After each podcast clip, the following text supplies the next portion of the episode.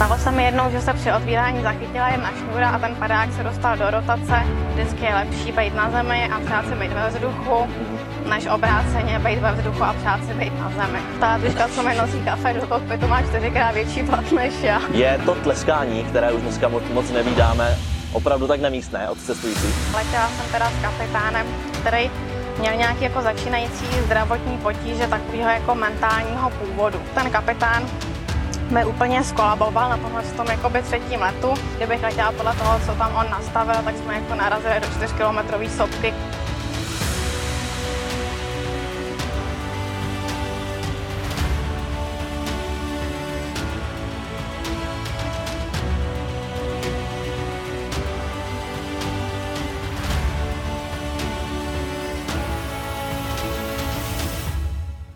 Tak já zdravím všechny dobré lidi, vítám vás u podcastu Na hraně. Mým dnešním hostem je profesionální pilotka, parašutistka a snad obecně asi velká nadšenkyně do létání všeho druhu. Rosina Kašičková, vítej. Děkuji za přivítání a zdravím všechny posluchače a diváky. Rosino, kde se cítíš eh, spokojeněji? Tady na zemi nebo ve vzduchu? Tak rozhodně ve vzduchu. Většina nehod se děje na zemi, ve vzduchu je člověk většinou v bezpečí. Takže máš to opravdu tak, že eh, ten pocit spokojenosti máš nahoře. Je to tak. Kdybych se měla vybrat, jestli být nohama na zemi, anebo ve vzduchu, tak preferuju vzduch. Radši v oblacích. Přesně tak, radši hlavou i nohama v oblacích. A máš to spočítané třeba poměrově, kolik času strávíš tady dole na zemi a kolik v oblacích? Tak eh, spočítaný to úplně nemám, co se týče toho času na zemi, protože ten až zase tak úplně nepočítám, ale celkově to mám spočítaný uh, hodiny v letadle, 2,5 tisíce, hodiny ve větrném tunelu za volného pádu, zhruba nějakých 300, 300 padé a se skoků na padáku, což je tak dejme tomu minutka letu na padáku, co skok, tak uh, 3000 plus. Mm-hmm. Takže nalétáš toho opravdu dost. Kde se v tobě ale to nadšení do létání zrodilo? Tak to nadšení do létání se u mě zrodilo, řekla bych v podstatě náhodou, nebo uh, začalo to všechno v pět ráno, když jsme jeli na volejbalový turnaj do Duchcova. A měli jsme asi dva roky před maturitou a s holkama z týmu jsme se často bavili, nebo spíš byli jsme nuceni odpovídat na dotazy typu, jako z čeho budeme maturovat a co chceme studovat a tak. No a trenér zase se nás zeptal, jako a co teda, už to máte vybraný, co budete chtít, kdo dělat a my už jsme prostě na tyhle otázky byli celkem alergický, takže jsme začali vymýšlet prostě na to odpovědi blbosti, aby se ty lidi už jako přestali ptát. Takže jsme se trumfovali, kdo řekne jako větší blbost v podstatě. No a já v tu chvíli jsem se podívala z okýnka a viděla jsem, jak tam letí letadlo, tak jsem řekla, a já budu pilot. Takhle to vzniklo. To bylo na základní škole? Takhle to vzniklo, to bylo vlastně na Gimplu asi rok a půl před maturitou, jo. Ale v tu chvíli, co já jsem to řekla, tak jsem si uvědomila, že to vlastně je super nápad, protože já jsem pořád jako přemýšlela o tom, co bych teda chtěla dělat a že jako aby to bylo nějaký povolání, který je jako svým způsobem sportovní, že mě baví cestování, aby to bylo něco jako užitečný pro lidi a aby tam i byla nějaká třeba jako nějaká slušná výplata. Takže, takže letadílka od malička tě nebavily úplně, až ne, od této vůbec chvíle. To jako u nás v rodině není jako žádná historie nebo tradice, nikdo u nás doma nelítá. Naši jsou oba dva chemici. Babička se letadla bála jako na to, že se mnou odmítla i svízt se jako v letadle na zemi jako při pojíždění, protože asi se bála, že bych ji chtěla přesvědčit a že bych s ní vzlítla. Ale přišlo to tady tohle s tou opravdu jako náhodou ten nápad, ale zase od té doby, co ten nápad přišel, tak prostě jsem jako už od té doby vlastně jako šla, šla zatím a věděla jsem, že to je to, co bych jako chtěla dělat. No. Takže už se toho držela. A v kolika letech se teda poprvé dostala do vzduchu? A v kolika letech se třeba poprvé skočila padákem? No já jsem se dostala do vzduchu jako velmi brzy, protože my teda jsme se pak s holkama z volejbalu dohodli, že teda to uděláme, takže já budu lítat a oni budou mé letušky. A s jednou kamarádkou jsme se hned vydali v pondělí po škole na letiště a tam jsme se prostě v odbavovací hale jako začali schánět po nějakých pilotech, že se jako jich musíme zeptat, jak teda se stát pilotem. No a nějaká paní odbavovací přepážky se tam jako nad náma slitovala, hrozně se u toho teda smála, ale poslala nás do budovy jako OPCčka tenkrát, kde chodily posádky a tam my jsme se teda přesunuli a chvíli jsme tam vyčkávali u dveří, než jsme měli to štěstí, že tam prošla nějaká posádka. Vrátej nám řekl, až budou mít ty saka s těma třema a čtyřma zlatýma proužkama, tak to budou piloti, tak těch se zeptejte.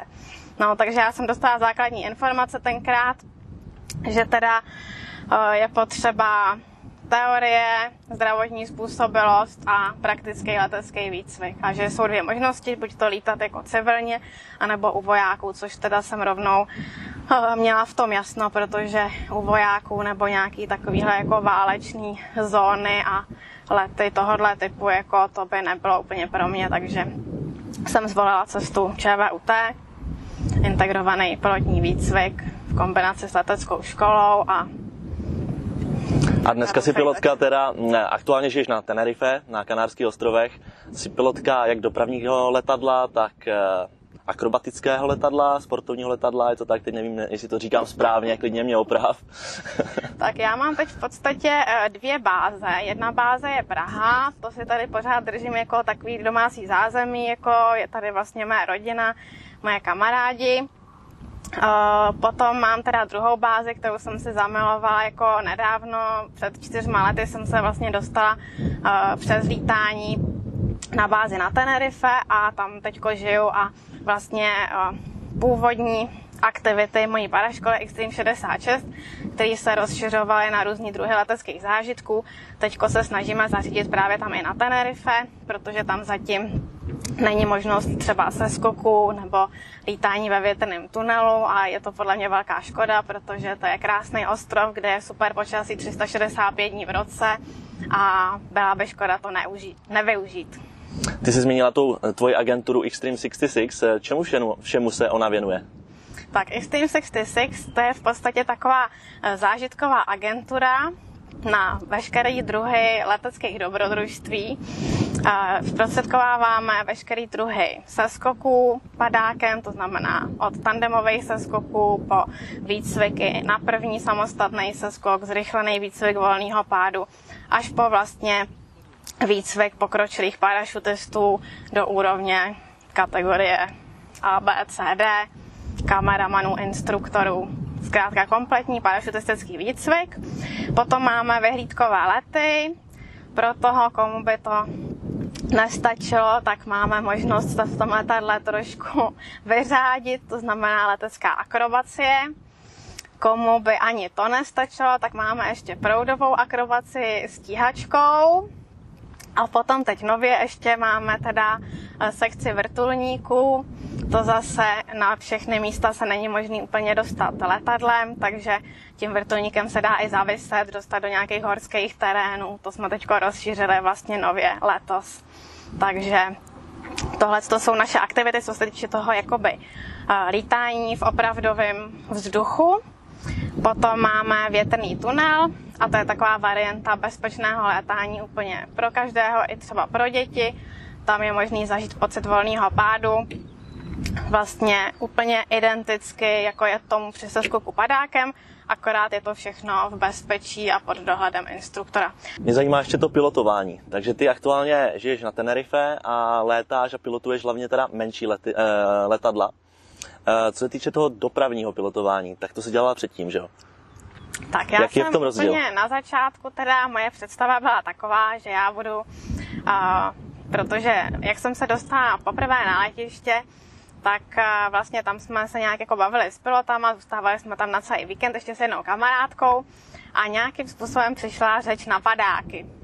A jak to tak bývá, tak většina pilotů jako nejsou úplně vášniví parašutisti, spíš mají jako vůči těm padákům takový hodně velký odpor a celkově jako jsou tak mentálně nastavený jako to letadlo neopouštět a být kapitánem toho letu prostě až do konce. Nicméně tam začali se prostě piloti bavit jako o skákání a o padácích, jako ve stylu, že to musí být jako opravdu něco úplně šíleného a strašného z toho letadla vysko- vyskočit. Což když já jsem zase zaslechla a začala o tom přemýšlet, tak jsem si říkala, hmm, to zase zní jako další dobrý nápad. Takže potom jsem vlastně už teda měla vymyšlenou tu kariéru pilotky, ale dostala jsem se jako ještě teda k tomu nápadu si z toho letadla skočit a potom vlastně, když jsem udělala ten první seskok, tak už zase jsem jako věděla, že teda to nebyl určitě jako poslední a že tomuhle bych se jako chtěla věnovat, protože to je fakt jako super. A moje vize potom byla taková, že teda nějakým způsobem budu muset vydělávat na to skákání a že teda ta nejbližší varianta bude to lítání. Nicméně pak se to teda trošku zvrhlo, protože vzhledem k té situaci, která nastala i různým těm jako krizím a tak, tak eh, ve finále to bylo obráceně. V podstatě jsem pak jako se dostala k profesionálnímu skákání a tím jsem se vydělávala na letecké kvalifikace a vlastně jako první práci jsem měla Extreme 66, což vzniklo tak nějak postupně předáváním jako těch aktivit podle toho prostě o co měli mý parašutistický žáci zájem nebo co ty klienti prostě vyžadovali nebo co nás jakoby zrovna bavilo. Jo, dneska už máme taky třeba vodní sekci, lítání na jetski, na flyboardu, jetpack, takže pořád se to nějakým způsobem vyvíjí, ale pořád je to něco jakoby ve vzduchu nebo za volného pádu, nějaký takový jako aktivity letový. No, takže já jsem několik let teda se věnovala tomu Extreme 66, u toho jsem pokračovala ve studiu na ČVUT, takže jsem vystudovala ten profesion, obor profesionální pilot na dopravní fakultě ČVUT, pak jsem pokračovala v magisterském studiu provoz a řízení letecké dopravy a pak PhD. A protože situace, jako co se týče pilotních prací, se mezi tím dost jako změnila, tak už nestačily jako ty kvalifikace, co já jsem měla a bylo potřeba ještě si zaplatit vlastně typový školení na konkrétní jako do, dopravní letadlo na což já jsem vlastně v té době neměla peníze a přišlo mi nebezpečný se zadlužovat, protože to i souvisí s nějakou jako zdravotní způsobilostí a prostě jsem si říkala, že kdybych se mi cokoliv stalo, tak nechci jako být zadlužená a mít prostě takovou jako velkou hrozbu splácení nějakého dluhu, který nevím, jak bych jinou prací třeba jako si tak nějak rychle jako nebo rozumně vydělala. Takže já jsem se věnovala Extreme 66, do toho potom, když už jsem viděla, že situace teda jakoby je prostě jiná, než to bylo na začátku. Na začátku, když jsme dolítávali výcvik, tak nám slibovaly nástupní platy kopilotní 70 tisíc a, a prostě typový výcvik na konkrétní dopravní letadlo hrazený zaměstnavatelem. Realita byla jiná. Realita byla potom taková, že to typový školení jsme se museli zaplatit sami za 3 čtvrtě milionu a měli jsme ještě k tomu kadecký plat na první dva roky 18 tisíc měsíčně. Takže to byla potom jako realita Nicméně zase mi přišlo jako škoda zahodit všechno to studium jako a všechno to už jakoby hmm. nalítávání těch hodin, co jsem měla za sebou a pořád jsem to prostě měla jako takovou věc, který jsem chtěla dosáhnout a chtěla jsem si to vyzkoušet. Takže jsem teda si na padáku vydělala na to typové školení. Uh, začala jsem lítat na Boeingu 737 a vlastně nějakým způsobem se mi podařilo jako za pomoci mých kamarádů, instruktorů, kteří teda byli se mnou a lítali za mě, kdy, kdy já jsem byla na pobytech jako s Boeingem 737, tak se tady starali o, o větrný tunel a o moje žáky a já když jsem prostě mohla, tak jsem mohla, ale můj životní styl v tu dobu byl tak jako nevyspytatelný, že prostě bez nich bych to nezvládla, takže tím teďko na dálku děkuju, zejména Petrovi. Ty říkáš, že jsi s padákem vydělávala na pilotní zkoušky. Jak se dá padákem vydělávat, kromě toho, že dáváš asi nějaké, nějaké kurzy? Tak já jsem už jakoby od začátku, co se týče vydělávání na skákání, to měla nastavený tak, že prostě to jako extrémně chci a že to nějakým způsobem jako musím zařídit, nevěděla jsem vůbec jak. Takže už od té doby, co jsem měla třeba jako pouhých pět seskoků, tak jsem začala schánět sponzory, s tím jsem jim prostě řekla, já bych jako chtěla jednou být dobrá parašutistka a skákat mě to hrozně baví a podpořte mě prostě do začátku a já, já vám to pak oplatím. Tak Podařilo se. jako musím říct, že prostě mně se to jako vyplatilo, protože když něco člověk podle mě opravdu chce a opravdu zatím jako jde, tak je to sice dřina, ale prostě když to stojí za to, tak to člověku ani jako zas taková dřina prostě nepřijde, protože se jako jde za tím cílem. Takže já nemůžu říct, že bych to jako nějak jako protrpěla, mě to prostě všechno jako bavilo. Jo? Takže já jsem prostě dělala propagace pro různý třeba jako letecké školy, demo se skoky, články o letectví, propagace různých jako značek, ať už jako parašutistického vybavení, nebo nějakého třeba oblečení, nebo různých jako kosmetických produktů, prostě co se zrovna jako namanulo a o co byl zájem. Pak jsem teda skákala jednu dobu v reprezentaci na přesnost přistání, tom jsem si udělala nějakých 200 seskoků který byl hrazený tou reprezentací. To mi umožnilo se potom jako přihlásit do instruktorského výcviku. No a pak už jsem měla zase se skoky se žákama, takže to prostě postupně přibývalo, přibývalo. A vlastně, když jsem začínala skákat, tak pro mě představa, že bych třeba jednou měla svůj padák a, a 100 seskoků byla úplně jako, že bych byla nejšťastnější holka na světě. No a nějak se to teda docela dobře jako podařilo, takže mám dneska několik padáků a pár tisíc seskoků za sebou a, a pořád mě to teda baví. Stejně. Spousta lidí má z létání strach. Ty nic takového nikdy za žádných okolností nepocituješ? Tak eh, jedna věc je strach z létání, druhá věc je respekt. Uh, strach, já vím, jak funguje aerodynamika, uh, umím si prohlídnout předpověď počasí, takže uh, je potřeba vědět, kdy říct ne. Jo, my skáčeme prostě za podmínek, které jsou ideální, bezpečný, někdy je těžký lidem vysvětlit, co mají třeba předplacený nějaký služby, že prostě se nedá nic dělat, že skákat nebudeme, protože není počasí, ale zase já mám takovou strategii, že vždycky je lepší být na zemi a přát si být ve vzduchu, mm-hmm. než obráceně být ve vzduchu a přát si být na zemi. Jo? Už jsem se samozřejmě jako za svoji kariéru parašutistky, která už teda jako se blíží 18 letům.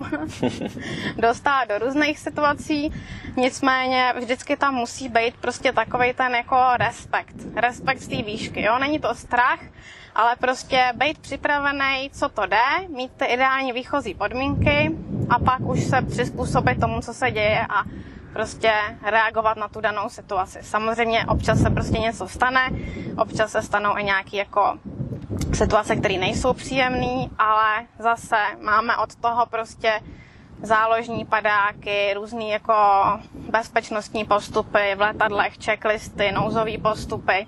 Takže pak prostě musí člověk aplikovat tady tohle, co má jako naučený. Důležitý je vědět to všechno prostě předem, co se může stát a co se pak bude dělat, aby člověk byl připravený a nevymýšlel ve vzduchu na poslední chvíli nějaký hmm. blbosti. Ty teď mluvíš hlavně teda o parašutismu. Předpokládám, že to samé platí i co se týče létání letadlem. Je to tak. Zase je to letecký sport, pohyb ve vzduchu, e, věci se dějou, u toho lítání se to neděje tak rychle většinou jako, jako u toho padáku.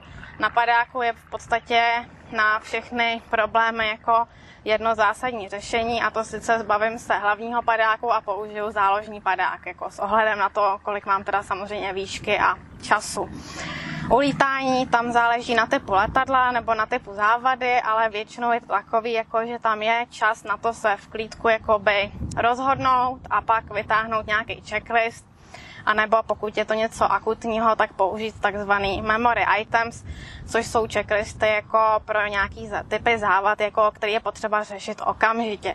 To znamená třeba, když je požár, tak asi nebudu vytahovat knížečku tisíce stránkovou a listovat si tam v ní jako p, požár, mezi tím to už celý schoří, že jo. Takže, takže podle typu závad, ale v podstatě i jako na Boeingu když jsme lítali, tak jeden velice zkušený instruktor říká, Rosy, až budeš nějakou závadu, tak nejdřív si takhle sedni na ruce, dej si jednoho laka kafe, rozmysli si, který teda checklist budeš chtít použít a pak eh, si vytáhni, máme tam takovou knížečku, která se jmenuje Quick Reference Handbook.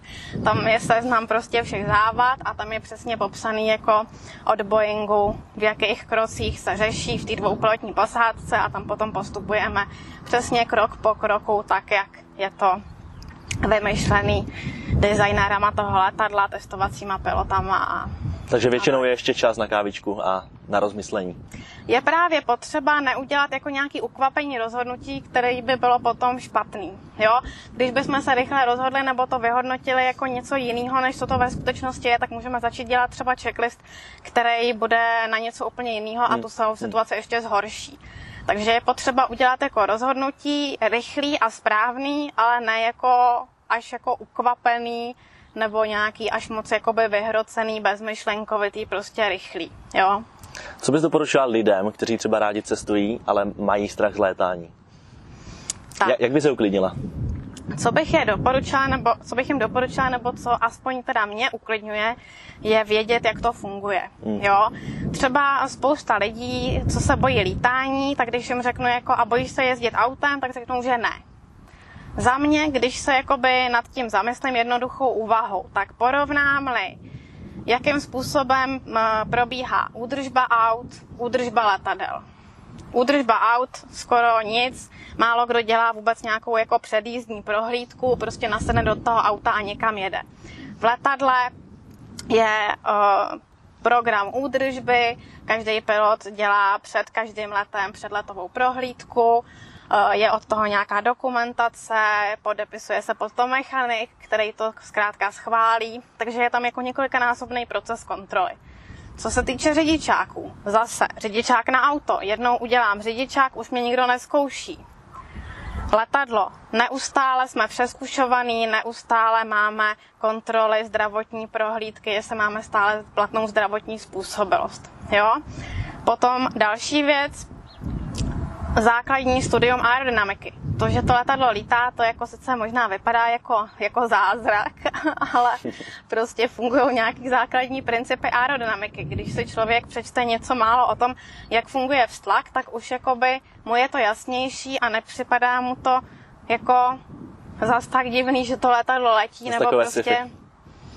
jako, je to potom takový jakoby pochopitelnější, jo? My taky pořádáme třeba něco jako kurzy proti strachu z létání.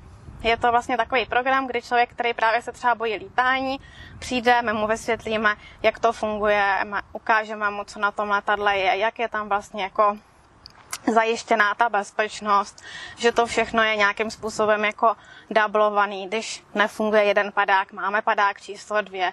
Když vysadí motor u letadla, nic se neděje, stane se z ní jakoby padák do klouže, na nějakou bezpečnou plochu. Vždycky ten pilot letí tak, aby u jednomotorového letadla byl na doklus nějaký bezpečný plochy. Jo, takže tady tyhle ty věci, když ty lidi potom jako ví, tak už se cítí jako bezpečněji. Pak nasedneme společně třeba do malého letadla, nebo když se extrémně bojí, tak do simulátoru. Tam si to oni můžou vyzkoušet. Ukážeme si, jak i třeba vypadá takový pád, to je prostě standardní manévr, který děláme ve výcviku, i když to zní jako šíleně, tak člověk si představí jako pád, že to je nějaký prostě jako crash a nehoda. Není to tak, to letadlo prostě i ve výcviku uvádíme cíleně do pádu a učíme se vybírání toho pádu, k tomu pádu dojde prostě při nějakém úhlu náběhu jako, jako a že se to letadlo proudnic. ve vzduchu propadne. A to letadlo se prostě jakoby jak u kterého, ale většinou se prostě tak jakoby natáhne, natáhne, až spadne takhle jakoby po ocase dolů a my mu zase dáme čumák dolů a zase má prostě zrychluje, nabírá rychlost a zase se rozletí. Aha. Jo, je tam potřeba k tomu nějaká výška k tomu, aby to bylo provedené bezpečně, ale pak už ty lidi jako vědí, že teda jak to funguje a že se dá většinou... i kritická situace zvládnout. Ani to není kritická situace. Jo, dokonce. Tohle to je situace, kterou my jakoby sami vytvoříme. Když se to letadlo dostane z nějakého důvodu do téhle situace, tak jako by je to způsobený buď nějakou chybou pilotáže, nebo nějakou extrémní jako kombinací souhrou nějakých jako situací. Nicméně dá se to prostě vybrat a všichni piloti jsou na to trénovaní. Uh-huh. A jak je to s turbulencemi třeba? Je to pravda, že ač eh, můžou působit třeba hrozivě, nahání strach, tak eh, nikdy nespůsobí pád letadla? Tak co se týče turbulencí, tak eh, tam je to tak, že my vlastně máme dneska jako velice dobrý metody předvídání té turbulence. Takže pravidlo číslo jedna je do turbulence nelítat. Jo, turbulence je, když se potkávají dvě vzduchové masy, které mají prostě různé vlastnosti a tím pádem prostě, když to letadlo do toho vlítne, tak jakoby je to takový prostě nestabilní vzduch a je to cítit. Turbulence může být jako jemná nějaká, pak může být prostě nějaká jako silná turbulence v bouřkách. Klasicky víme, že prostě turbulence je za překážkama po větru, takže co se týče třeba lítání na padáku, tam prostě jediná varianta, jak zvládat turbulenci, je nelítat do ní. To znamená zase studium podmínek předem a vědět, tady mám stromy, odsaď fouká vítr, tak je jasný, že turbulence bude tady a v takovémhle násobku jakoby zhruba výšky té překážky. Jo, takže je to všechno předvídatelný. Uh, na čem bych to asi jako vysvětlila? No je asi prostě třeba, když někdo půjde, půjde v noci ven, tak jako se nebude divit, že je tma. Jo? To znamená, jako když já budu lítat někde v bouřce, tak samozřejmě tam ta turbulence bude. Hmm, Ale já tam nepoletím, protože to budu vědět. Ale stejně se to děje, tak předpokládám, že někdy to nejde se jí vyhnout. Občas se to jako děje, ale když se do té turbulence lítá, tak to je prostě v nějakých jako mezích, který to letadlo snese. Mm-hmm. To znamená, je to jenom takový jako houpání, mě dokonce je to jako příjemný, je to takový prostě uspávací, jako dětem je taky příjemný, když je někdo pohoupe v kočárku, tak když někdo pohoupe trochu cestující v letadle, tak aspoň se jim třeba dobře spí. Ale kdyby se teda vyjelo nebo letělo do velké turbulence, může způsobit turbulence pád. A turbulence může způsobit spíš nějaký jako konstrukční porušení jako toho letadla, že by se prostě pak třeba už by zlomily křídla, nebo když tam bude někde nějaký stoupavý proud, klesavý proud, tak jako může dojít prostě k narušení jako té konstrukce. Že by to jako způsobilo pád, vyloženě to Dobře, pojďme od turbulencí dál. Myslím, že, že jsi to vysvětlila krásně. Uh, jaký je tvůj nejděs, nejděsivější zážitek během létání? Ať už třeba s letadlem, s pilotováním, anebo třeba s padákem? tak asi by se to dalo rozdělit do těch jednotlivých kategorií, jak říkáš. Takže uh, asi teda začnu tím padákem. Na padáku jako občas se stane nějaká závada. Uh, jednou teda ten padák, na kterém skáču, ten malinkatý, podle kterého se jmenuje padáškola Extreme 66, to je takový Ferrari mezi padákama, jeden z nejrychlejších padáků na světě vlastně. Nějaká vertikální rychlost se pohybuje kolem třeba 150 km za hodinu. Tak je to takový padák, který má hodně jako dobrý letový vlastnosti, ale zase je citlivý na otvírání. Stalo se mi jednou, že se při otvírání zachytila jedna šňůra a ten padák se dostal do rotace. Byla tam tak velká odstředivá síla, že vlastně nešlo ani jakoby Eh, tím uvolňovačem na odhoz toho padáku, se toho padáku jako zbavit, takže musela jsem trošku tak jakoby zaimprovizovat a vytáhnout tam prostě nějaký lanka a tady to už bylo opravdu jako nepříjemný a na hraně, protože tam prostě rychlost toho padáku byla nějakých 120 km za hodinu jako a u toho to udělalo asi 25 otoček, mám to natočený na kameře, skákala jsem zrovna u moře ve Španělsku, takže vím, kolikrát se tam jako zjevilo to moře. Mm-hmm. A to bylo jako hodně nepříjemný, nicméně zase byl to seskok, při kterém já jsem věděla o tom, že mám tenhle rychlej padák. Otevřela jsem ten padák jako dostatečně vysoko, abych tam měla nějakou rezervu a pak jsem měla čas na to jako tu závadu vyřešit. Takže dobře to dopadlo, ale tohle byl asi takový jeden jako z nejnepříjemnějších jako zážitků na padáku. No. A během pilotování?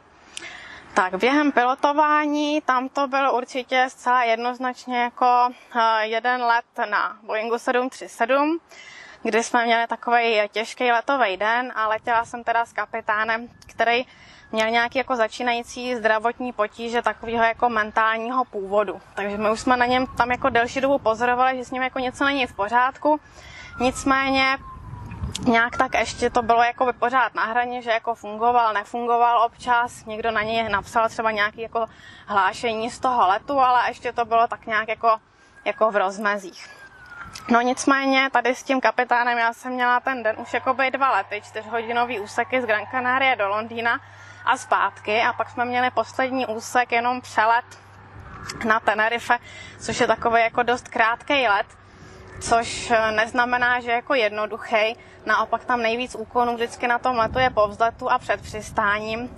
A na těch kratších letech to vlastně je všechno takový jakoby v jednom, že už se prostě jako dělá třeba briefing na přistání před vzletem, protože tam prostě na to jako není čas. Mm-hmm. No a stalo se to, že ten kapitán mi úplně skolaboval na tomhle tom jakoby třetím letu. Já jsem byla pilot letící, už jsem byla dost unavená, a on prostě, ne, že by třeba jako úplně vytuhnul a nedělal nic, jenže on prostě začal dělat jako úplný blbosti, blokovat rádio, a já jsem prostě musela letět a ještě jako ho nějakým způsobem jako zmanagovat, aby odblokoval to rádio. Mm-hmm. Měla jsem štěstí, že jako byl eh, s náma v tu chvíli velice jako dobrý řídící letového provozu, který to poznal, protože ten kapitán tam prostě do rádia říkal nějaký nesmysly, jako že nebyl schopen zopakovat náš poznávací znak a když jsme dostávali kurz, který máme letět, tak prostě řekl jako asi po dvou špatných pokusech, jako že už teda to chápe a že to je kurz 555 což jako kurzy se udávají od 0 do 360 stupňů. Jo? Ten řídící potom jako velice pomohl, protože mi dal prostě zkratku rovnou na Tenerife, na přiblížení. Já jsem teda to musela nějakým způsobem jako celý ten let jako odřídit a odkomunikovat sama s tím, že ještě ho jako hlídat, aby tam prostě na nic jako nešahal, protože když já jsem mu řekla, ať mi tam něco třeba nastaví, tak on nastavil něco úplně jiného a nemohla jsem se ani připnout autopilota, prostě mm. kdybych letěla podle toho, co tam on nastavil, tak jsme jako narazili do 4 kilometrové sopky, která tam je prostě uprostřed to ostrova Tenerife, jo. Takže to byl zcela určitě jako můj nejnáročnější let. Po tom přistání já jsem byla tak brutálně unavená jako nikdy v životě. To jsem prostě sotva dojela domů a usnula jsem prostě během minuty, už jsem vyčerpala všechnu svoji energii. Ale zase to byl pro mě super zážitek jako v tom, že jsem si vlastně jako uh, získala takovou, takovou jako sebejistotu v tom, že opravdu jako jsem schopná i v takovéhle jako situaci to, to letadlo prostě bezpečně jako přivíst na zem hmm, hmm. a, a bezpečně s ním přistát. Tento člověk už doufám na léta. Ne. Výborně. Pojďme od těch eh, děsivých zážitků dál. Máš naopak nějakou srandovní, vtipnou historku, která tě opravdu pobavila během létání?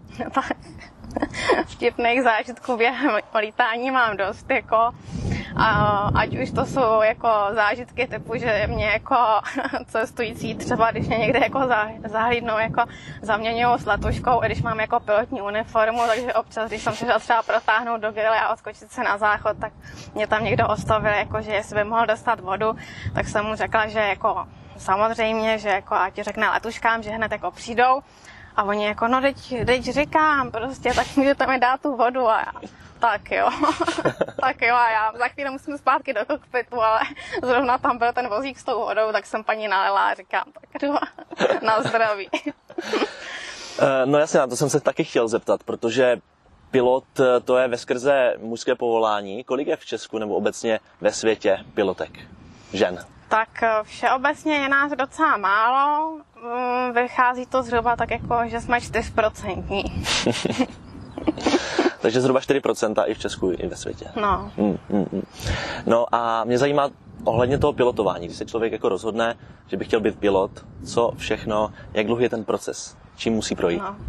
To zrovna mi připomíná ještě teda k té předchozí otázce, kdy se ptal jakože na nějaký to ještě vtipný situace, tak to za mnou právě takhle přišla jedna letuška, kdy jsme teda měli jako uh, lítání přes Oman Air ve spolupráci s Oman Airem a byli jsme posádky jako cockpit uh, český a jejich původní jako cabin crew letušky z Ománu. A přišla za mnou takhle jako letuška jedna a říká, já bych se hrozně chtěla taky stát pilotkou, jako a mě by zajímalo prostě, jak to probíhá a co stojí ten výcvik a, a jaká pak je ta výplata a tohle. No a přišli jsme na to, že eh, já jsem v té době měla vlastně ten kadecký plat, ten začínající, a přišli jsme na to, že ta tuška, co mi nosí kafe do kokpitu, má čtyřikrát větší plat než já. Co jsi to rozmyslela? no a potom ona teda, já jsem si tam objednala zrovna nějakou takovou propisku svítící s letadílkama, co se mi líbila z toho katalogu o Maneru a ona mi ji pak přinesla a, a řekla, že to je na ní, že ji nemusím nic dávat. Takže ten proces je dlouhý a tak možná... To mě pobavilo, no. mm, mm, možná trošku demotivující, je to tak? Uh, zase demotivující bych to nenazvala, jako ten proces je dlouhý a rozhodně to stojí za to, jako určitě jo. Mm, mm. Co považuješ za, um, na práci pilota za úplně to nejobtížnější? Za úplně to nejobtížnější, jako tak co se týče prostě třeba toho dopravního lítání, tak tam jako noční lety a taková ta prostě nepředvídavost jako toho, co se bude dít, jako Dneska jsme to zažili i při našem tady letovém dní, prostě je to hodně takový, že často se něco mění, Mně osobně teda um, jako nejtěžší součástí té práce připadají noční lety, kdy prostě člověk je jako by extrémně unavený a musí podávat ten výkon, i když se mu prostě chce strašně spát. A to tělo prostě je unavený a dává najevo, jako že, že se mu to nelíbí. A my to musíme prostě překonávat a potom jako nočním letu z toho má člověk prostě takový pocit, já tomu říkám letová kocovina, je to opravdu pocit, jako kdyby měl člověk kocovinu, ale uh-huh. je to jenom prostě z té únavy, no. Je to jenom z té únavy, z toho, že to tělo prostě má jako přehozený ten, ten cyklus, ten svůj přirozený rytmus a ještě tím, jak je to nepravidelný, tak je to vlastně jako by horší. Já jsem se bavila se zkušenými kapitánama, vždycky jsem se jich snažila jako zeptat se na něco jako a ty máš nějaký trik, jako jak to vydržíš prostě takhle být jako celou noc vzhůru a, a prostě když už to takhle lítáš dlouho a všichni mi říkali jako ne Rosy a bude to jenom horší. To je prostě jako když máš jako piva na účtu, tak prostě ty noční lety přibývají, jako ty piva přibývají a prostě je to horší a horší, jako není na to nic, co by prostě tomu pomohlo. Jako. Je dobrý se předtím vyspat, jako co to jde, ale zároveň prostě není to ono. Ty jsi v jednom z rozhovorů uvedla, že co se týče pilotování dopravního letadla, takže tě to baví do té doby, než přepneš, nebo než musíš přepnout na autopilota. Tak eh, jaká jsou vlastně obecně nařízení, co se týče autopilota? Tak u toho dopravního lítání tam je to takový jakoby hodně striktní. Mě, co baví nejvíc, je samotná ta pilotáž nebo nějaký jako živější lítání, kde se prostě naplno může využít jako ta volnost v tom 3D prostoru. U toho dopravního lítání je to o komfortu pro cestující a o ekonomičnosti. Ten autopilot vždycky poletí ekonomičtěji než pilot, vždycky poletí přesněji než živej lidský pilot a vlastně hrozně nám jako šetří uh, energii. Jo? My bychom prostě byli už jako unavený, když bychom letěli na ruku prostě nějaký jako čtyřhodinový let. Tím autopilotem se jako snižujeme tu pracovní zátěž a můžeme se pak jako víc soustředit třeba na montování těch přístrojů a tak. Standardně letíme na ruku pět minut po vzletu a pět minut před přistáním. Zbytek je v rámci toho autopilota, kterýho my teda musíme navádět kudy má letět a hlídat to letadlo, případně manažovat nějaké závady, eh, změny v souvislosti s řízením letového provozu, počasí nebo prostě třeba nějaké jako požadavky cestujících, může tam být nějaký uh, zdravotní, jako nějaká zdravotní emergency, kterou potřebujeme vyřešit, takže my toho autopilota navádíme, kam má letět, ale toho samotného letění jakoby na ruku je tam opravdu málo. Mm-hmm. Pak už to takový sezení, monitorování přístrojů, programování. Dle mých informací se dá s autopilotem i přistát. Jak často piloti dopravních letadle, letadel využívají autopilota k přistávání? Je to tak, na to přistání s autopilotem musí být několik podmínek splněno. Za prvý musí na to být vybaveno letiště, musí na to být certifikovaná posádka, musí na to být vybaveno to dané letiště, kde bude se přistávat a musí být ještě splněny podmínky na počasí. Jo? Je možný i za nulový dohlednosti a výšky mraků nula přistát v automatickém režimu.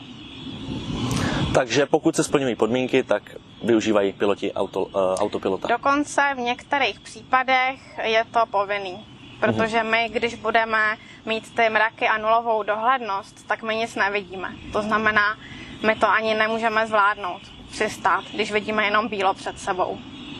Jo, zatímco ten autopilot to zvládne. Já jsem slyšel, že eh, právě to přistávání je pro pilota to, ta největší výzva, co se týče samotného létání, tak je to tleskání, které už dneska moc, moc nevídáme, opravdu tak nemístné od cestujících? Nezaslouží si to ten, ten pilot? Já to tleskání mě se líbí a já teda v tom Boeingu je to zrovna hodně jako aby hlasitý, jako co se týče prostě těch motorů, nebo že jako v kokpitu nemáme úplně jako tichoučko, takže my to jako neslyšíme. Ale když letušky nám přijdou říct, jako, že teď hodně tleskali cestující, tak já z toho mám vždycky radost. Takže najdou se piloti, kteří to ocení. Jo. Počkáme, ať se letí vrtulník.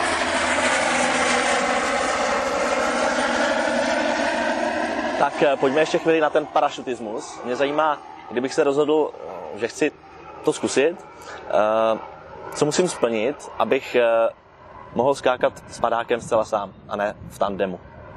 Tak, pro samostatný seskok padákem je potřeba splnit zdravotní prohlídku způsobilosti druhé třídy od leteckého lékaře a pak je potřeba si vybrat variantu, která se ti bude líbit nejvíc. Mm-hmm. Jedna varianta je samostatný seskok na lano, to znamená, ty vyskočíš sám se svým padákem, budeš mít padák připoutaný výtažným lanem k letadlu. Já ti řeknu hop a ty vyskočíš, budeš mít asi tak 3-4 vteřinky volného pádu a ten padák se otevře automaticky za letadlem. Mm-hmm. Ty potom poletíš na padáku, budeš si řešit nějaký případný závady, anebo rovnou zkoušet manévry, jak se ten padák řídí a jak se přistává.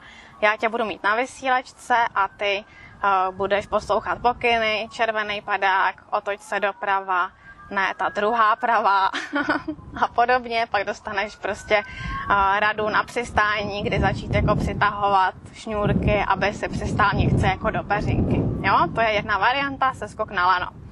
Potom je takzvaný výcvik volného pádu, zrychlený výcvik volného pádu. A to skáčeme rovnou za 4 kilometrů se dvěma instruktorama. Zase máš na sobě svůj padák a dva instruktoři tě drží, stabilizují tě za volného pádu. Potom ty otevřeš padák, nebo případně, když se moc kocháš a zapomeneš na to, my ti ho otevřeme a zase letíš na svém plně funkčním padáku a stejně jako předtím máš tu vysílačku a já ti říkám, kudy máš letět, co si máš vyzkoušet a jak přistát. Mm-hmm. Jo, takže tohle to jsou jakoby základní dva druhy, jak začít skákat. Všemu předchází celodenní teorie, nějaký přeskoušení na letišti, se skoky na sucho, na zemi, jakoby z toho letadla, tak nějak prostě, co se dá natrénovat předem. Zároveň je tam možná příprava taky ve větrném tunelu, No a pak už prostě skáčeš a když se ti to bude líbit, tak prostě pokračuješ v tom výcviku dál a dál a vybíráš si disciplíny, které by tě mohly bavit. Super, no ehm, jsem rád, že jsi nakousla disciplínu. Ty se věnuješ eh, disciplíně, která se nazývá freestyle. Mohla bys je trošku popsat? A jaké třeba další disciplíny existují? Tak. V parašutismu jsou disciplíny za volného pádu a potom disciplíny v lítání na padáku. Moje oblíbená disciplína je freestyle a freestyle to je disciplína něco mezi gymnastikou a baletem za volného pádu. Ten tým se skládá z jednoho freestylisty a jednoho kameramana. My vlastně spolu máme nějakou sestavu a různě se oblítáváme a ta celá, celá ta sestava se hodnotí potom ze záběru toho kameramana rozhodčí jsou na zemi a ty si prohlíží vlastně to naše video, který my jim potom prezentujeme potom se skoku. Mm-hmm, mm-hmm. Super. Uh, mě zajímá už jenom jedna věc. Jaké máš plány do budoucna? tak plány do budoucna, já doufám, že se nám podaří jako uh, založit ten sportovní parašutistický klub na Tenerife to by byla vlastně premiéra po 20 letech, tomu se na Tenerife 20 let neskákalo. Mm-hmm. Ono je to docela, docela challenge tam v těch prostě místních předpisech a vlastně jsou tam jenom dvě velké mezinárodní letiště, není tam žádný aeroklub, takže ten přístup na to letiště a do toho vzduchu je poměrně komplikovaný. No a tak nějak jako uvidíme, co ještě přijde. No, prostě v lítání je pořád, co se dá dál jako učit, zdokonalovat, lítat líp, přesněji, rychleji. Takže důležité je lítat bezpečně a to všechno kolem, to už se nějak vyřeší. Návrat k dopravnímu letectví neplánuješ? Tak eh, zatím teďko jsem spokojená zase s tím, že mám jakoby Eh, víc toho manuálního lítání mm. nebo toho akrobatického lítání na padáku a hlavně mi víc jako vyhovuje, že jsem pánem svého času a že si to prostě můžu plánovat sama. Plus taky, že jsem v kontaktu přímo rovnou s těma svýma zákazníkama, je to takový osobnější. Jo. Na Boeingu sice na každém letu svezu 200 lidí, ale vůbec nikoho jako uh, osobně neznám nebo nevidím. Zatímco takhle lidi, se kterými skáču nebo který svezu malým letadlem, tak se všem asi pokecám a Tak jo, díky moc za rozhovor a přeju ti hodně štěstí do budoucna, ať to léta. Tak jo, díky, díky. moc. Měj se hezky a přijď se skočit.